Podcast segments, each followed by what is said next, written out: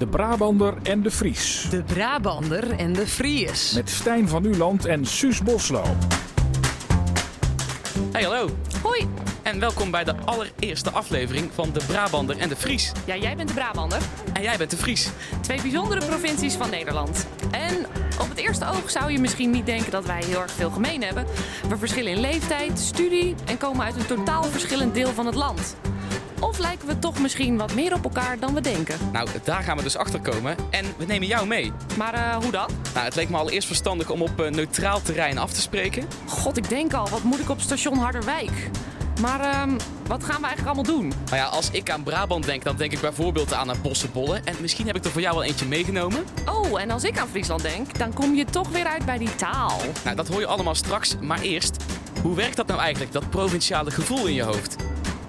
De Brabander en de Fries, met Stijn van Nuland en Suus Boslo. Op zich zijn grenzen ook maar lijntjes op een kaart. Wat maakt het nou dat wij ons zo verbonden voelen met een gebied waar je toevallig geboren bent? Dat weet Sandra Wagenmakers. Ze promoveerde vorig jaar met haar onderzoek naar regionale identiteit. Sandra, hallo. Um, wat heb je precies onderzocht? Ik heb uh, onderzocht hoe mensen zich verbonden voelen met Brabant of met hun regio eigenlijk in uh, Noord-Brabant toe. Dus hoe ze de regio ervaren en uh, ja, of ze zich verbonden voelen. En wat waren precies je conclusies aan het eind van het onderzoek? Um, nou, heel kort gezegd uh, waren mijn conclusies dat mensen hebben het vaak over regionale identiteit of Brabant alsof het één geheel is. En het was eigenlijk al wel langer bekend dat mensen zich in verschillende delen van uh, Brabant zich niet per se met elkaar identificeren. Maar wat ik ook weer nog laat zien is dat de nabijheid een hele belangrijke rol speelt. Dus dat uh, mensen in Tilburg voelen zich vooral verbonden met wat Tilburg en omgeving en in een bos in Den Bosch en omgeving. Um, en dat dat heel erg zit in de kennis en herkenning. Dus ik ken de dingen uit Tilburg en omgeving en daarom voel ik me daar ook verbonden mee. En dat het niet zo. En daardoor zie je ook verschillen. En het is al langer bekend dat de mensen in West-Brabant... die voelen zich vaak een ondergeschoven kindje binnen Brabant... omdat de focus meer op Noordoost- en Zuidoost-Brabant zit. Um, maar die verschillen zien, waren, kwamen ook in mijn onderzoek weer... Uh, maar dat, uh, eigenlijk kwam je er dus vrij snel achter... dat er niet per se iets typisch Brabants is. Nee, daar begon ik eigenlijk zelfs mijn onderzoek mee. Want uh, dat was dat was een beetje het uitgangspunt van het onderzoek. Was van de Brabander bestaat niet. En dat wordt wel vaker gezegd ook over bijvoorbeeld de Nederlander bestaat niet. Maxima zei het nog. En uh, dus er is niet één ding dat typisch Brabants is, maar wel. Uh, dus ik heb ook meer gekeken, niet zozeer wat is Brabant nou, maar meer hoe voelen mensen zich verbonden met Brabant? Hoe uh, voelen ze zich verbonden met hun regio? En die kennis en herkenning waar je het over hebt, wat houdt dat dan precies in? Um, nou, ik heb bijvoorbeeld gekeken naar de televisieserie Smeres. En die speelt zich af in Tilburg. En mensen keken daar ook naar, juist voor die kennis en herkenning. Dus mensen zien iets en herkennen het. En dat vinden ze leuk. En dat versterkt ook een gevoel van uh, verbondenheid met, met hun regio. En je ziet het op allerlei uh, plekken dus terug. Je hebt nou um, tegenwoordig best vaak dat er uh, dorpsquizzen... Quiz, er, zijn er zijn tegenwoordig best veel dorpsquizzen. Uh, en in die dorpsquizzen zie, je een deel algemene vragen terug, maar ook juist dingen die over het dorp gaan. En daar gaat het ook om: uh, ken ik het, herken ik het, of ken ik iemand die het kent? Um, en daar gaat het ook om de kennis en herkenning van het dorp.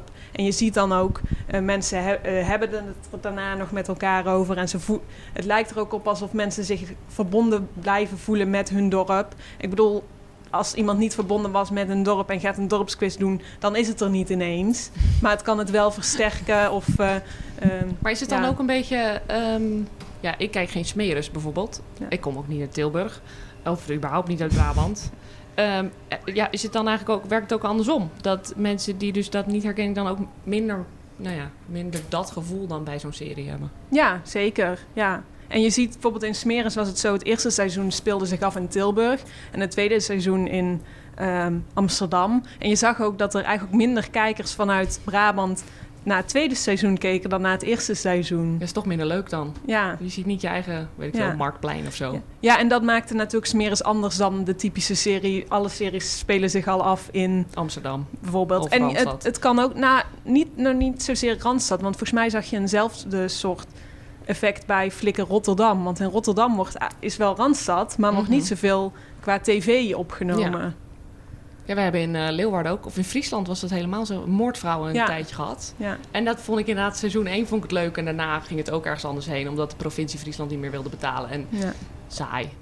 ja, en nou zit Smeris in seizoen 3 en 4 kwamen ze wel weer terug in Tilburg, maar werd er heel veel opgenomen in Hilversum. Dus nou ja, seizoen 3 en 4 zaten niet in mijn onderzoek, omdat die pas uitgezonden waren Mhm. toen mijn onderzoek ongeveer al klaar was. Maar ik verwacht wel dat er daar dus eh, nog een andere relatie zit dan met seizoen 2, Ja. omdat het wel Tilburg voor moet stellen, maar eigenlijk geen Tilburg is voor het grootste gedeelte. Nou, ik vind het heel leuk dat je die dorpsquiz eh, benoemt. Want ik inderdaad heb ook meegedaan met de Balkumse quiz bij mij in het dorp in Berdikum. Eh, dat is echt wel een ding. En eh, daar doen mensen en masse eh, aan mee. Maar is dat dan ook een beetje afzetten tegen eh, dingen die dan niet dorp zijn? Zo van, wij hebben een dorpsquiz en alles wat er buiten valt is dan meteen stom. Is dat ook een soort, soort statement wat je dan maakt als dorp? Kun je dat zo zien? Ehm, nou, ik weet niet. Ik, ik, heb niet zo, ik heb zelf ook aan de dorpsquiz in mijn dorp meegedaan. Ik ken dit überhaupt niet, dorpsquiz. Maar het, het, het is voor, het is niet alleen iets voor Brabant volgens mij hoor. Maar eh, het is eigenlijk een soort ehm, ja, een quiz. Wij, bij, bij ons in het dorp waren er teams van nou, 15 tot 30 man geloof ik. En in dat team heb je een avond waarop je allerlei vragen gaat beantwoorden. En die vragen kunnen verschillende thema's zijn. En sommige dingen hebben te maken met het dorp. Bijvoorbeeld bij ons was een van de vragen... hoeveel bomen staan er rondom het Vrijthof? Nou, die kun je dan naar buiten gaan en gaan tellen. Een andere vraag was... eh, we hebben hier ehm, eh, foto's van geboortebordjes die in de tuinen staan. Hoe he- en dan de namen weggestreept. Hoe heten de kinderen? Nou, inmiddels staan die geboortebordjes er niet meer. Dus moet je ook een beetje kennis en herkenning van je omgeving hebben. Maar andere vragen zijn gewoon meer raadsels. Of, Ja. ehm, moet eh, toch ook een beetje denken aan ik hou van Holland bijvoorbeeld. Maar nou, precies. Maar je zit, dus een, je zit een avond lang met je vriendengroep vaak of je familie eh, in de woonkamer. Dan krijg je dus dat boekwerk voor je neus. En dat moet je dan voor 11 uur s'avonds moet dat helemaal Ja. ingevuld, ingeleverd worden. Leuk. Nou, dat is, maar dat is echt een ding. Alleen ik, Ja. in alle dorpen rondom mij zie ik dat iedereen daar, echt iedereen doet eraan mee. Ja. Dus loei Ja. en loei druk. En er zit een feestavond aan vast. Dus ze maken daar echt een hele happening van. En dat is dus ook best wel een, een ehm, dat versterkt die dorpse identiteit heel erg, lijkt me dan. Ja, lijkt mij ook wel dat dat, dat dat er wel aan bijdraagt. En sommige vragen zijn ook... In het groepje waar ik in zat hadden we toevallig ook mensen die van buiten het dorp kwamen... maar wel een band hadden met ons of met het dorp op een of andere manier. En juist die mensen kun je ook heel goed gebruiken... want sommige vragen zijn ook algemeen of raadsels. Of, eh, het zijn niet alleen maar vragen over het dorp. Maar als we dan even teruggaan naar, naar nou ja, wat regionale identiteit eigenlijk precies is Mhm. en hoe het ontstaat. Want nou ja, we hebben het nu over Brabant, maar goed, ik ben een Fries en ehm, daar werkt het ongeveer hetzelfde zo, denk ik. Want het is, ja, ik ben altijd weer blij als je dan zo die provin- provinciegrens overgaat met de trein. Slaat nergens op, want het is net zo goed een weiland. Maar toch is dat iets wat in mijn hoofd zo werkt of zo, dat het gevoel een beetje anders is. Ja, ik denk dat het ook komt. Zeker Friesland en Brabant heeft, heeft ook wel een sterke merk eigenlijk. Brabant, eh, dus ondanks dat er verschillen zijn tussen West-Brabant en Noordoost-Brabant, voelen we ons wel vaak allemaal Brabander. En juist dat woord verbindt. En doordat het woord Brabant of Friesland veel gebruikt wordt, eh, kan het ook weer de identiteit versterken. Omdat inderdaad, wat je zegt, als je die grens overgaat, misschien verandert er fysiek niet zo heel veel. Ehm, als je iets verder weg gaat, je ziet wel, Friesland ziet er anders uit dan eh, Limburg, ja, Ja. dat is wel zo. ja, Maar er zitten wel wat verschillen, ja. maar, maar niet, de verschillen zijn niet per se bij die grens zo. Nee. En die grenzen zijn toevallig zo ontstaan. Eh, misschien Ja. niet altijd heel, geheel toevallig, maar en die zijn er nou, maar die worden daardoor wel versterkt doordat we ook steeds Friesland gebruiken en Brabant. Doordat we nu hier een podcast hebben over de Brabantse identiteit. Dat schrijf En ik zelf ook over mijn, over mijn boek. eh, En de Friese. ja, ja. Dat schrijf ik zelf ook over mijn boek. Ik, in zekere zin draagt dit ook nog weer bij aan die identiteit, omdat ik het weer benadruk. En het wordt daarna weer benadrukt op allerlei punten waar Ja. ik dan weer kom. Sandra, we praten straks verder met jou. Maar eerst lokaal kabaal. Lokaal kabaal. Lokaal loert. Omdat wij vinden dat onze provincies vol zitten met lokaal radiotalent. En omdat jij in een ander deel van het land daar veel te weinig van meekrijgt, delen we iedere week het allerbeste van de lokale radiostations uit Brabant en Friesland met je. En dat doen we in onze nu al legendarische quiz Lokaal Kabaal. Zeg Stijn, eh, Brabant is als eerste aan de beurt. Jij hebt een fragmentje uitgekozen van een willekeurige lokale omroep in Brabant. En moet ik daar nou een vraag over gaan beantwoorden? Nou, inderdaad, eh, we gaan luisteren naar een stukje uit het programma Krenten uit de Pap. Met eh, Peter van der Zanden op RTV Horizon. Dat is de streekomroep van Kranendonk, Hezeleende en Waalre in Brabant. Geen flauw idee waar dat ligt. Dat, eh, nou, Waalre, dat, komt, eh, dat, is, dat ligt vlakbij Eindhoven. Ah, Oké. Die kant moet je een beetje eh, aan denken. Dus, Ik ehm, ben benieuwd. Nou, eh, het programma van Peter van der Zanden. Ja, dat wil ik maar zeggen. Ik ben froh dat du daar bist. We zijn blij dat jij aan de andere kant van de radio zit. Het Duitse origineel van Bluffs Zoute Landen. Uitgevoerd door Bossa en Anna Loos. En die, die stem, die stem. Exact Geike Arnouds. Frankfurt Oder heet het plaatje. Even kijken, wat gaan we doen? Ja, Ja, wat gaan we doen? wat gaan we doen? Dan de vraag. Eh, Peter is even de kluts kwijt en vraagt zichzelf af, wat gaan we doen? Daar geeft hij uiteindelijk Oh, nee. zelf antwoord op. Maar hij gebruikt een wel heel apart eh, Nederlandse uitdrukking daarvoor. En ehm, welke uitdrukking gebruikt Peter? We hebben drie antwoordmogelijkheden. Wacht even, wacht even. Wat is nou de vraag? Hij weet niet wat hij gaat doen en dan... Hij gebruikt een hele, een hele aparte Nederlandse uitdrukking. En aan jou de vraag welke dan? Is dat A, het is uit de klauwen geëscaleerd? Is dat B, ik ben helemaal van mijn apres Of is dat C, ik ben helemaal in de sperziebonen? Oh, ik hoop die laatste. Jij denkt antwoord C, ik ben helemaal in de sperziebonen. Wat was A ook alweer? A, het is uit de klauwen geëscaleerd. Ja, dat zou ook leuk zijn. Maar ik... Ik denk C. Nou, laten we even gaan luisteren. Even kijken, wat gaan we doen? Ik ben even van mijn eh apres af, want... eh, oh ja, natuurlijk. eh, jij had Nederlandstalig willen horen. Je had eigenlijk Zoutelanden willen horen, of niet? Nou, ik maak het goed met je, want we gaan in ieder geval een Nederlandstalig plaatje draaien. Die hadden klaarstaan. De Frank Boeiengroep en Zwart-Wit. Ja. nou, Peter was dus eh, van zijn apres af. Oh, jammer. Ik vond die van die spersiebonen wel heel leuk. Nou, maar je had het eh, eh, je had het niet goed. Terug naar Sandra Wagenmakers. De Brabander en de Fries. Met Suus Boslo en Stijn van Nuland. En ondertussen is dokter Sandra Wagenmakers nog steeds bij ons. Jij weet precies wat er in onze koppies omgaat. Ehm, en als je dan ja, bewust of onbewust in je hoofd een beetje hebt zitten... wat nou ja, jouw regionale identiteit, in mijn geval Fries, is... hoe komt dat dan precies naar buiten? Komt het vanuit mij dat ik me ehm, Fries voel... of komt dat Friese naar mij toe, omdat ik daar geboren ben? Dat is eigenlijk mijn vraag. Nou ja, het is natuurlijk een combinatie, want eh, het komt vanuit jezelf, maar het ook, vanuit anderen. Als je bijvoorbeeld kijkt naar mijn proefschrift, toen ik begon met het schrijven van een boek over Brabant of mijn eh, onderzoeken naar Brabant, toen voelde ik me wel Brabants, maar niet super erg. Maar juist doordat iedereen mij steeds Brabants noemde, omdat ik me er meer in ging verdiepen, ben ik me ook wel een beetje meer Brabander gaan voelen. En daar liggen nog meer dingen aan ten grondslag. Bijvoorbeeld het feit dat ik eh, in Hilvarenbeek ben gaan wonen en eh, daar ook steeds meer een bond, band kreeg. Dus het is wel een beetje een wisselwerking tussen jezelf en je omgeving. Ehm, ja, En als je dan kijkt naar, nou, Stijn en ik wonen nu allebei niet meer in de, nou ja, in de regio waar we vandaan komen. Ehm, maar nou ja, als mensen aan me vragen waar kom je vandaan, dan zeg ik Friesland. Dan zeg ik niet, ik zeg niet eens Leeuwarden, ik zeg Friesland. ja. Ja dat, je ziet toch wel vaak inderdaad dat mensen zich nog wel verbonden voelen met waar ze ooit vandaan kwamen of waar ze zijn opgegroeid. Dat de, vooral de kindertijd speelt toch wel een rol. Ehm, maar soms ook niet, want de ene gaat juist weg uit Friesland omdat ze er niet mee geassocieerd willen worden. Die heb je natuurlijk ook.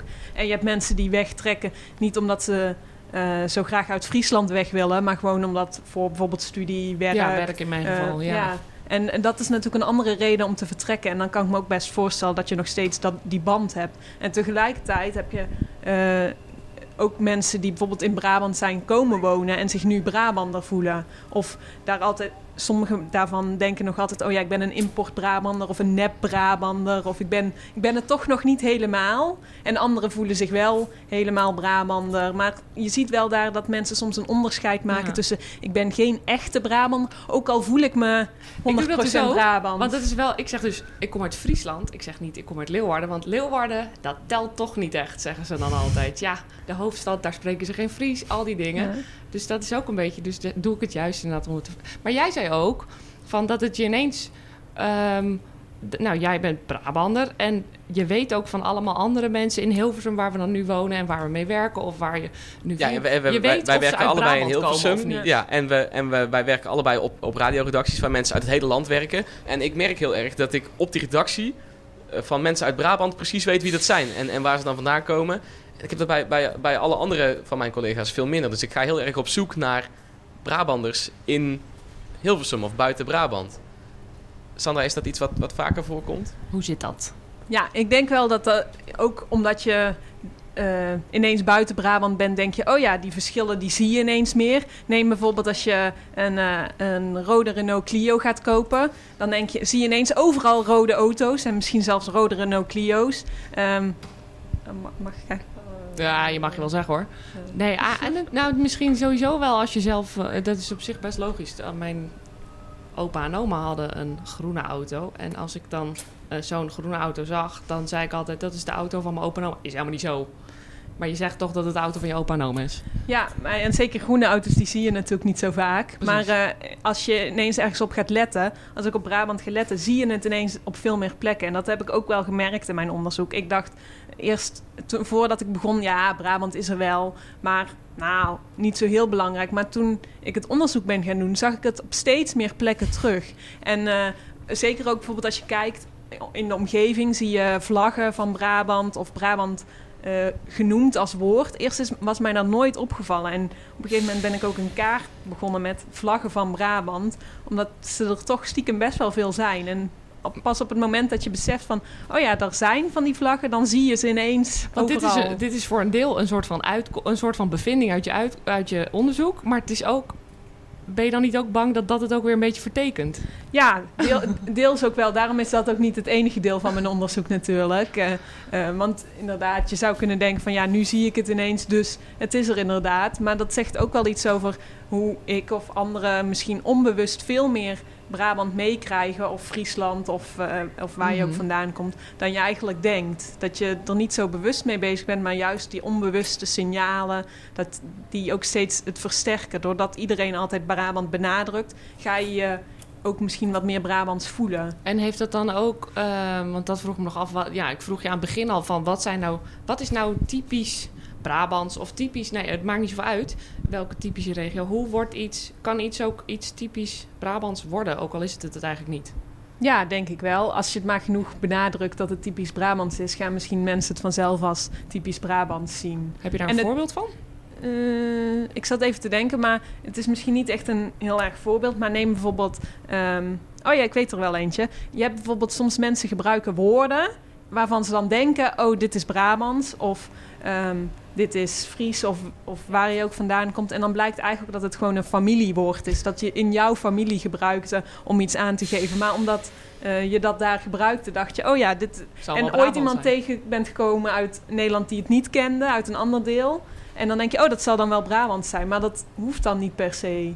En dat zit dan meer in de persoonlijke. Dus niet dat het als algemeen iets eh, gekend wordt als Mhm. Brabant. Maar ook als je kijkt naar andere verschillen over bijvoorbeeld eh, gastvrijheid. Dan wil ik niet zeggen dat we in Brabant niet gastvrij zijn hoor, dat niet. Maar als je, het ligt ook maar net waar je het mee gaat vergelijken. Want misschien binnen Nederland, nou, ik weet niet of we dan gastvrijer zijn dan mensen Nou in ja, andere... ik weet niet, je hebt toch, tenminste, ik als buitenstaander heb er dan toch het beeld van eh Bourgondisch, ja, wel gasvrij, altijd gezellig. En ja, dat beeld is er, maar is het dan ook daadwerkelijk, geldt dat overal? Dat, dat is het beeld wat nee, maar ik bedoel, als ik aan jou vraag wat zou typisch Friesland in die zin zijn, Dan zeg ik dat jullie stug zijn. stug, precies. Ja, maar daardoor op het moment dat je dus al in je hoofd hebt... oh ja, Friesen zijn stug en dan kom je een stugge Fries tegen... dan denk je, ja, zie je wel, alle Friesen zijn stug. En als je een gezellige Brabander tegenkomt, denk je... oh ja, zie je wel, alle Brabanders zijn gezellig. Maar als je dan een ongezellige Brabander tegenkomt... dan denk je niet meteen van, oh ja, nee... Nou, het zijn ongezellige mensen. Nee, dan denk je, ja, dat ligt aan die ene persoon. Nou was eh, een tijdje terug de eh, huldiging van eh, PSV. Eh, die werden landskampioen. En eh, ik zag op mijn Instagram dat echt alle mensen uit Brabant die ik kende...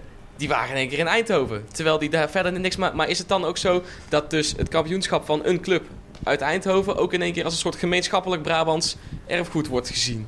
Eh, daar weet ik niet zoveel van, maar daar kan ik me best wel iets bij voorstellen. Want eh, het is me wel vaker opgevallen dat bijvoorbeeld ook Eindho, eh, PSV gebruikt ook wel dingen van Brabantse vlaggetjes en zo. En volgens mij zit het ook, ik weet niet helemaal zeker, zit het op een tenue ook niet zo'n Nou, het is rood-wit. Het is ja, rood-wit. ja, ja. maar ja, er zijn natuurlijk meer clubs die rood-wit Zeker. hebben. Dus, maar het is wel altijd, ja, god, al die vlaggen met die, Ja. gewoon Brabantse Ja. vlaggen de hele tijd Ja. en dat soort dingen. Maar Nou, ja, dat hebben we natuurlijk in, eh, ik ga vaak naar de SC Heerenveen. Daar Ja. zingen we het Friese volkslied van tevoren. Ik weet niet waarom we dat daar wel doen en bij geen enkele andere voetbalclub in Friesland niet. Maar het- is ook zoiets. Guus Meeuwis die eh, Gildes laat eh, vendel zwaaien met Brabantse vlaggen tijdens het optreden. Terwijl hij wel naar Ik Tilburg wil even komt. dan noemen, als we nu toch Guus Meeuwis hebben. Die zingt in het liedje Brabant.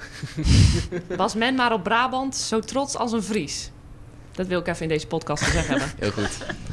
Ja, maar overigens deed- doet hij dat volgens mij niet elk jaar hoor, met die eh gilden zwaaien. Want ik ben er één keer geweest en toen eh, vond ik eigenlijk wel grappig om te zien van... oké, hoe wordt Brabant nou eh, daarin verwerkt? En aan de ene kant zie je inderdaad best wel veel mensen met Brabantse vlaggen of Brabantse sjaals. Maar aan de andere kant zie je ook mensen in andere, allerlei andere gekke kleding. En is het ook niet echt, het is zeker niet alleen maar voor Brabanders die daar komen. En volgens mij is er zelfs in, heeft hij zelfs een tijdje in Friesland... Toen eh, deed hij eh, uit en thuis. Ja. Want het was ook in voetbalstadions, dus dat was een logische. En dan was het inderdaad in het stadion van Heerenveen. Ja. En dan was het volgens mij verder helemaal hetzelfde. ja, ik weet niet. Ik ben er Dus- niet geweest. Maar dan, dus, nee, eh, dus denk ik ook niet. Maar ik bedoel, dan is, ja, als het dan Ja. helemaal hetzelfde is, wat is er dan typisch inderdaad aan? Ja, en, en het wordt wel een beetje gebruikt. Want bijvoorbeeld, we eh, ik ben een keer geweest dat het de elfde keer was. Nou, elf, daar werd dan benadrukt... oh ja, in Brabant is elf bijzonder. En we kregen worstenbroodjes. Dus zo wordt er wel mee gespeeld. Maar tegelijkertijd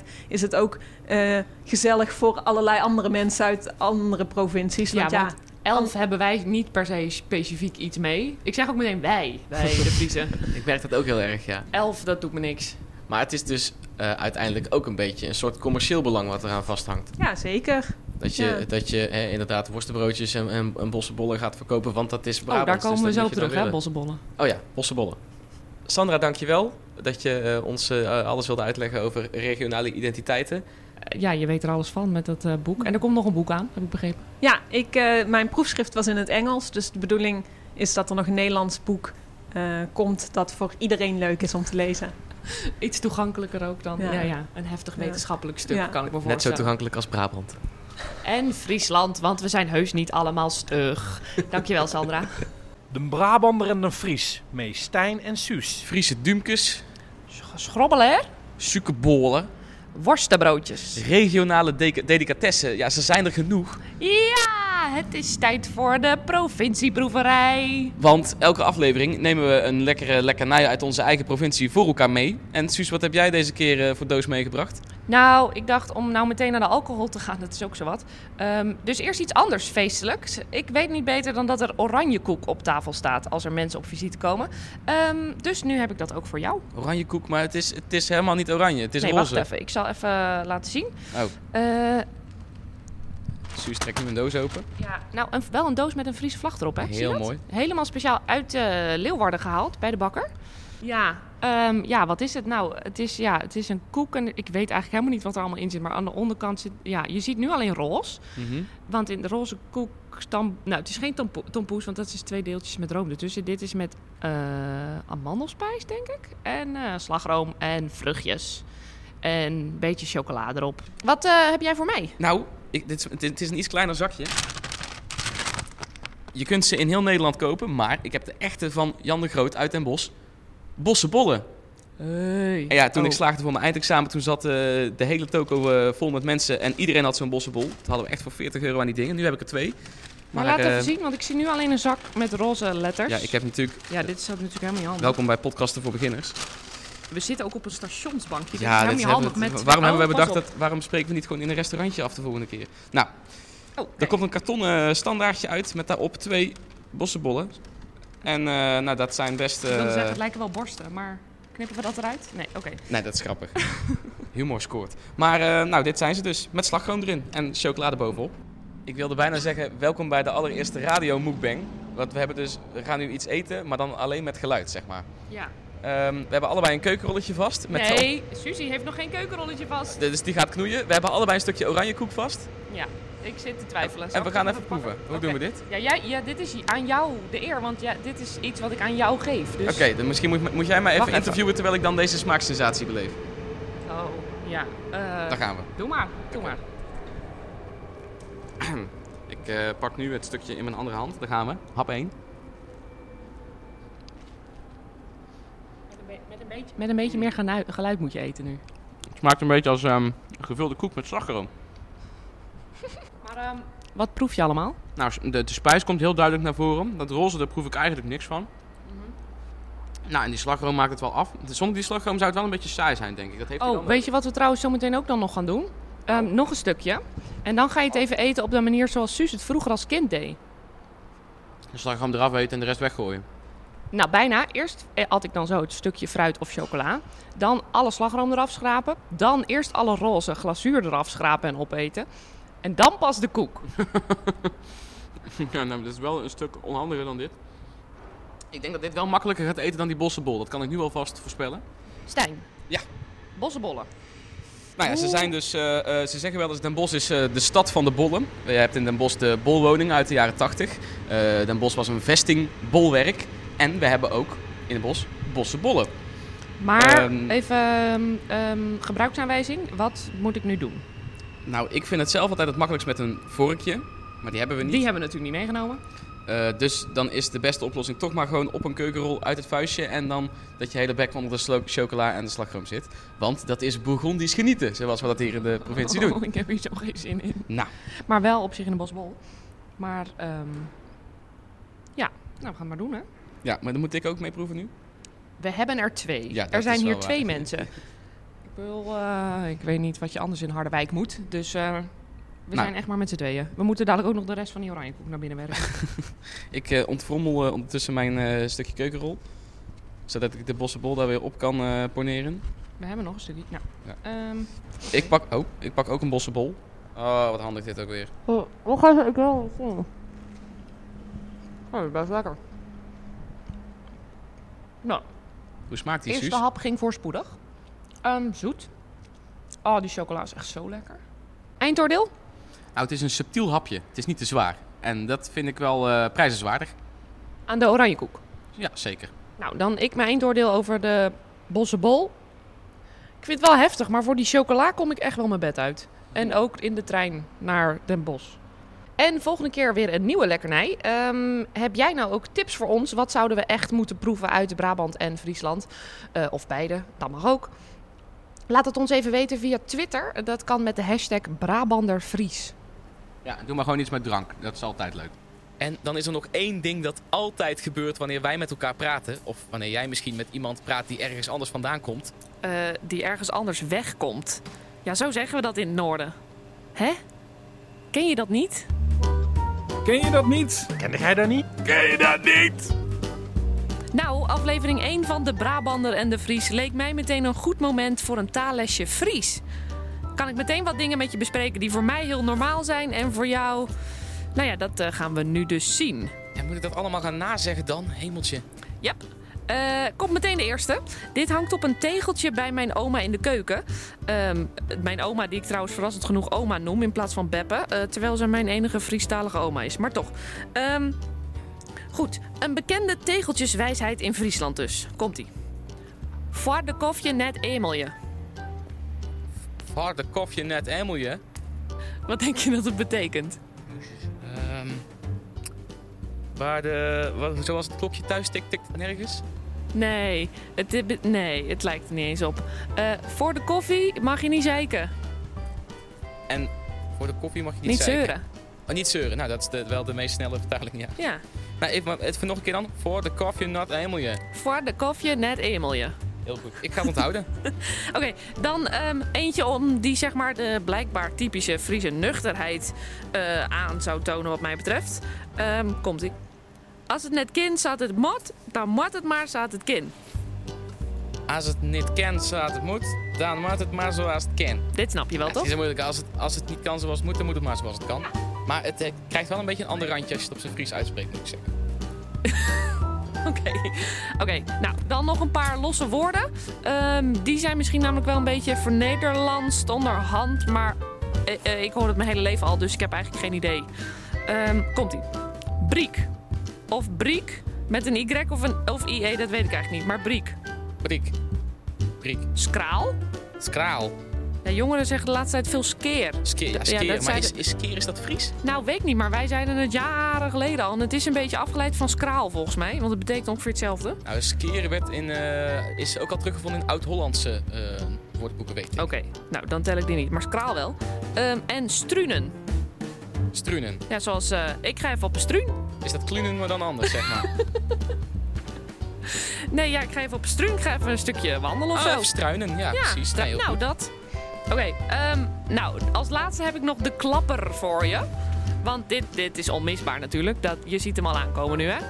Eh, Komt-ie. Pottebrieën en green cheese. Wat dat net sissen kan, is geen oprechte Friesk. But, butte, butterbrie en green cheese. Wat dat zien kan, is geen oprechte Fries. En daar mag een bel voor klinken. Nou, dat was hem dan. Onze allereerste Stijn. Ik vond het echt een feestje, Suus. En wil je ons nou een goede tip geven? Heb je een leuk idee voor wat we de volgende keer moeten gaan proeven? Of heb je een fantastisch lokale omroepfragmentje dat we echt gehoord moeten hebben? Of wil je gewoon een vraag stellen? Dat mag ook. Gebruik dan de hashtag Brabandervries op Twitter. Of stuur ons daar een berichtje op Stijn van Nuland met een lange ei. Of Suus Boslo en dan Boslo met SCH. En dan rest ons nog je de hartelijke groetjes te doen. Tot snel! Houden we! En tjen! De Brabander en de Fries.